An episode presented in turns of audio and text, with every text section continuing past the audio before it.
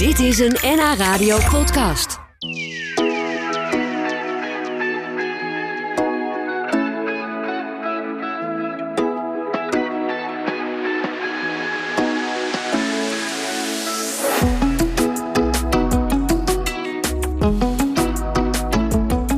Ik ga praten met maritiem archeoloog Thijs Koenen van de Rijksdienst voor het Cultureel Erfgoed. Hij heeft de afgelopen weken samen met zijn duikteam gedoken naar een van de wrakken die al eeuwen op de zeebodem liggen voor de kust van Texel bij Oude Schild, dus aan de Waddenkant.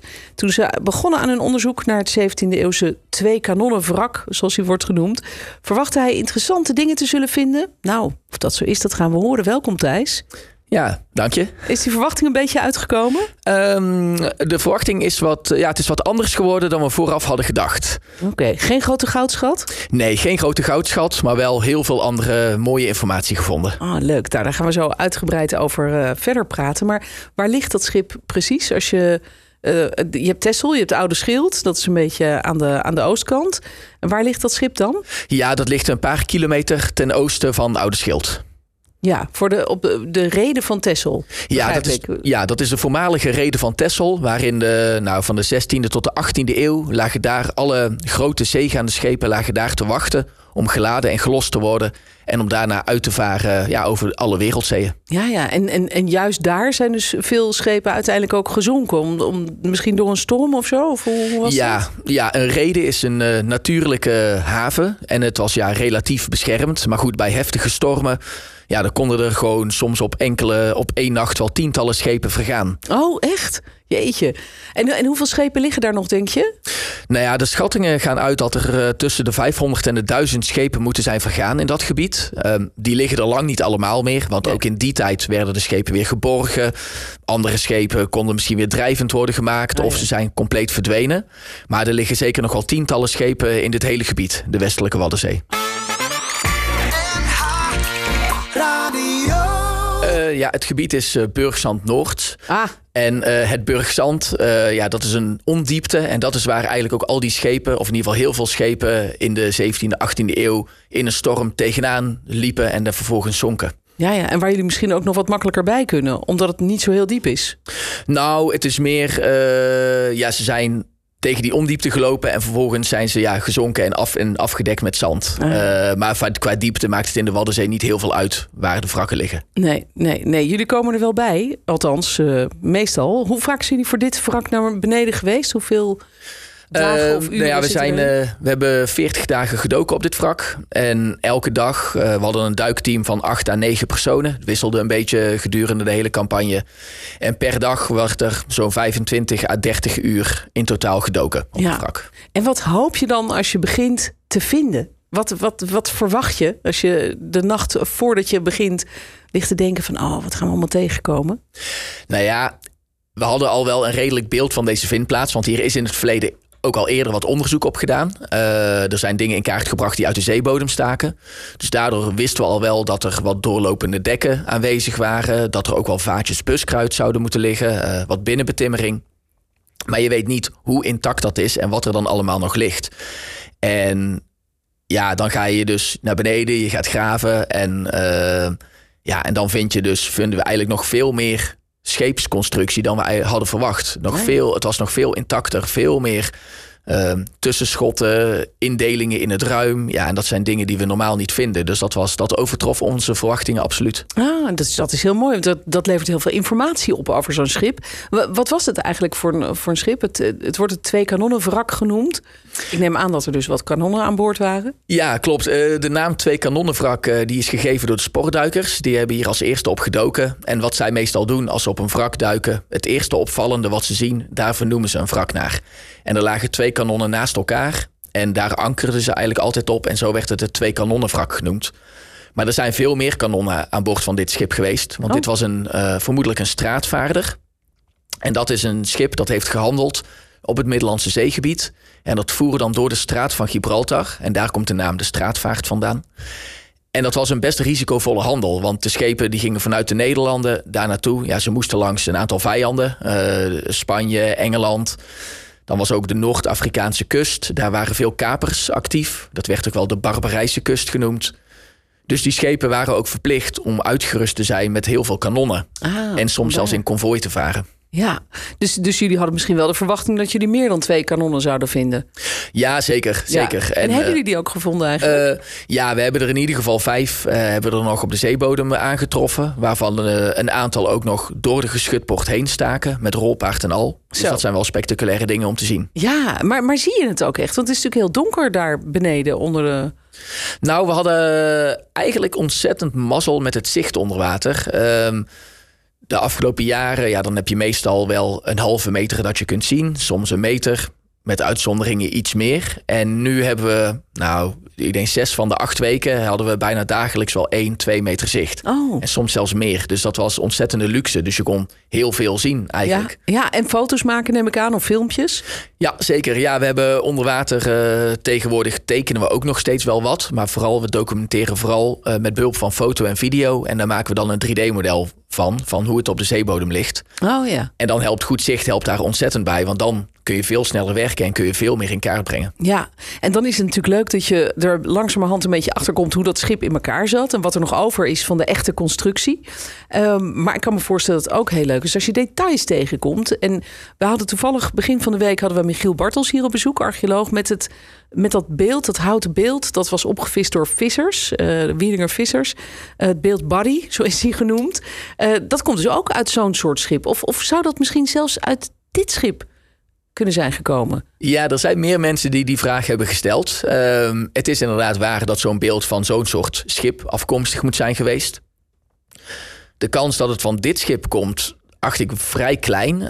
want we hebben een heel, ja, eigenlijk het complete schip hebben we opgegraven. Behalve dat er nog langs het achterschip, daar heeft zich een diepe slijpgul gevormd toen het schip is gezonken. En daar zijn eigenlijk de hoger gelegen delen, ja, die moeten daarin zijn gevallen. En dat is dus ook het houtsnijwerk en nog delen van de spiegel.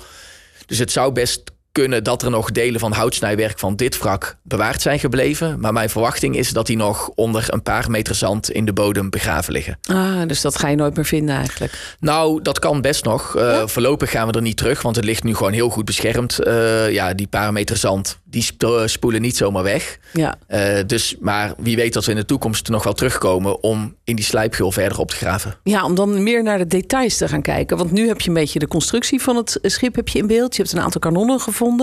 Ehm, maar juist die dingen als dat houtsnijwerk... dat geeft natuurlijk een heel mooi beeld van, van hoe het leven op dat schip geweest moet zijn, denk ik. Eh, nou ja, we hebben ook wel heel veel andere eh, constructiedetails en vondsten eh, aangetroffen die ons al heel veel vertellen over het leven aan boord.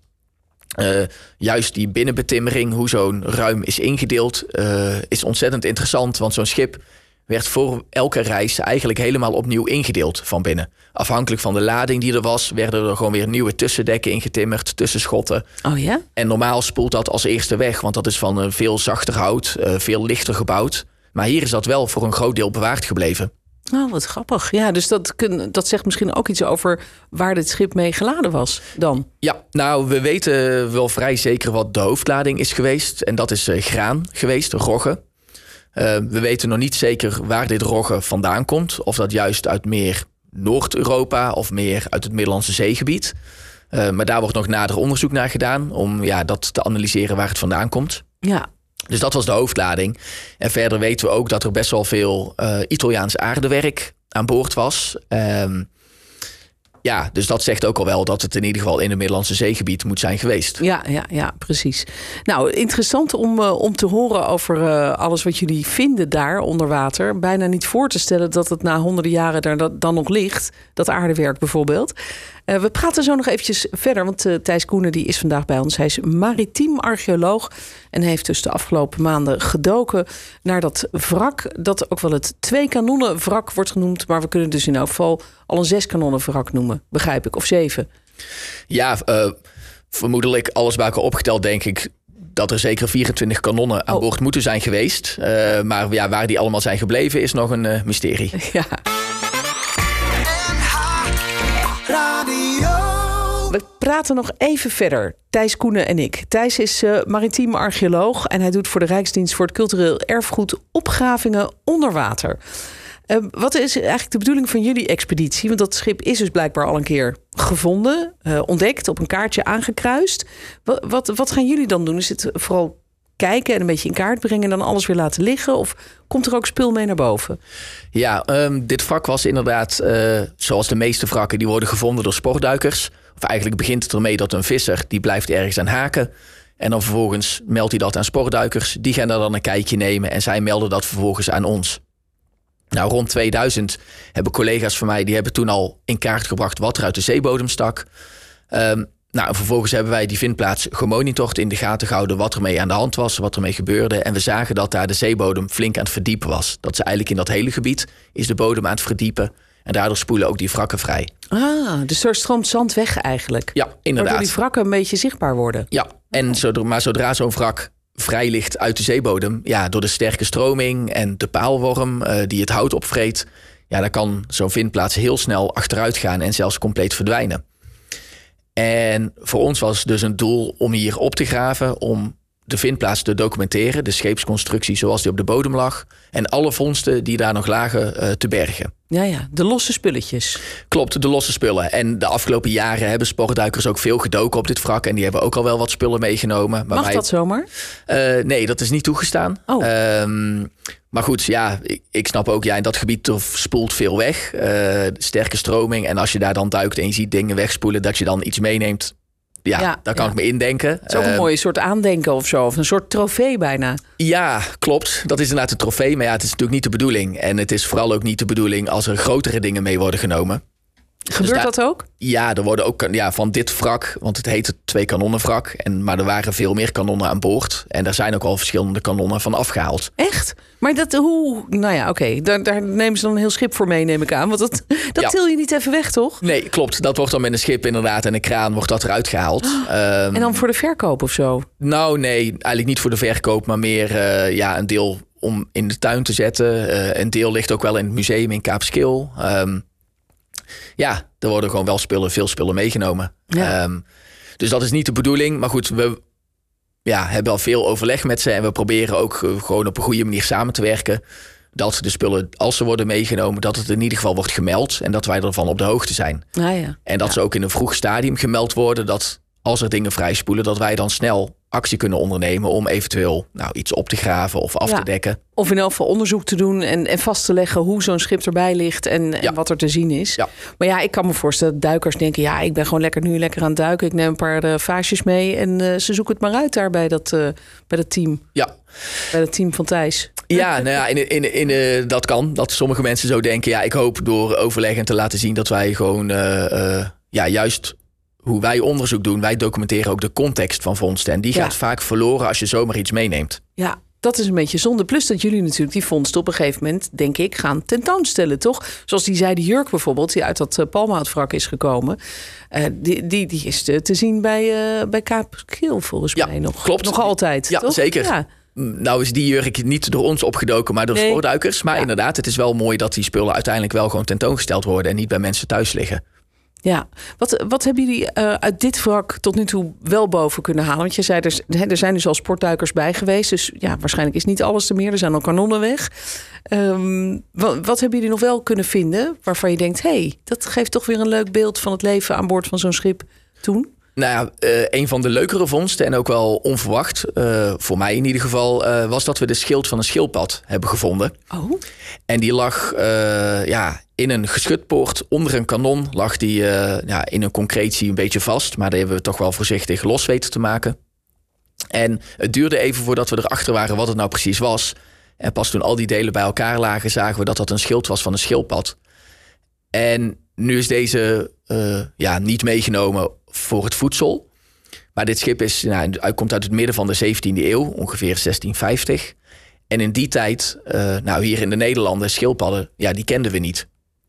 En veel rijke mensen, eh, rijke ondernemers, koopmannen, ja, die hadden ook rariteitenkabinetten. Dus die hadden een kamer in hun huis ingericht met allerlei exotische spullen. Die ja, voor hier onbekend waren en waarmee ze dan mooi konden pronken met wat ze al wel niet hadden. En eh, zodoende is dus ook zo'n schild vermoedelijk meegenomen ja, om dan weer verkocht te worden aan een rijke koopman. ja, ja. Voor in zijn vitrine. Ja, klopt. Voor in de vitrine inderdaad. Ja, oh wat grappig. En, en zijn dit, uh, ja, ik, ik kan me voorstellen, je weet nooit wat je tegen gaat komen als je het water in gaat. Uh, zijn dit wel de leuke kleine pareltjes waar je, waar je ook op hoopt als je, als je het water in duikt? Ja, zeker. En helemaal met, we hebben dit jaar het achterschip opgegraven. En dat is ook waar de verblijfsruimte van de hogere officieren was aan boord van een schip.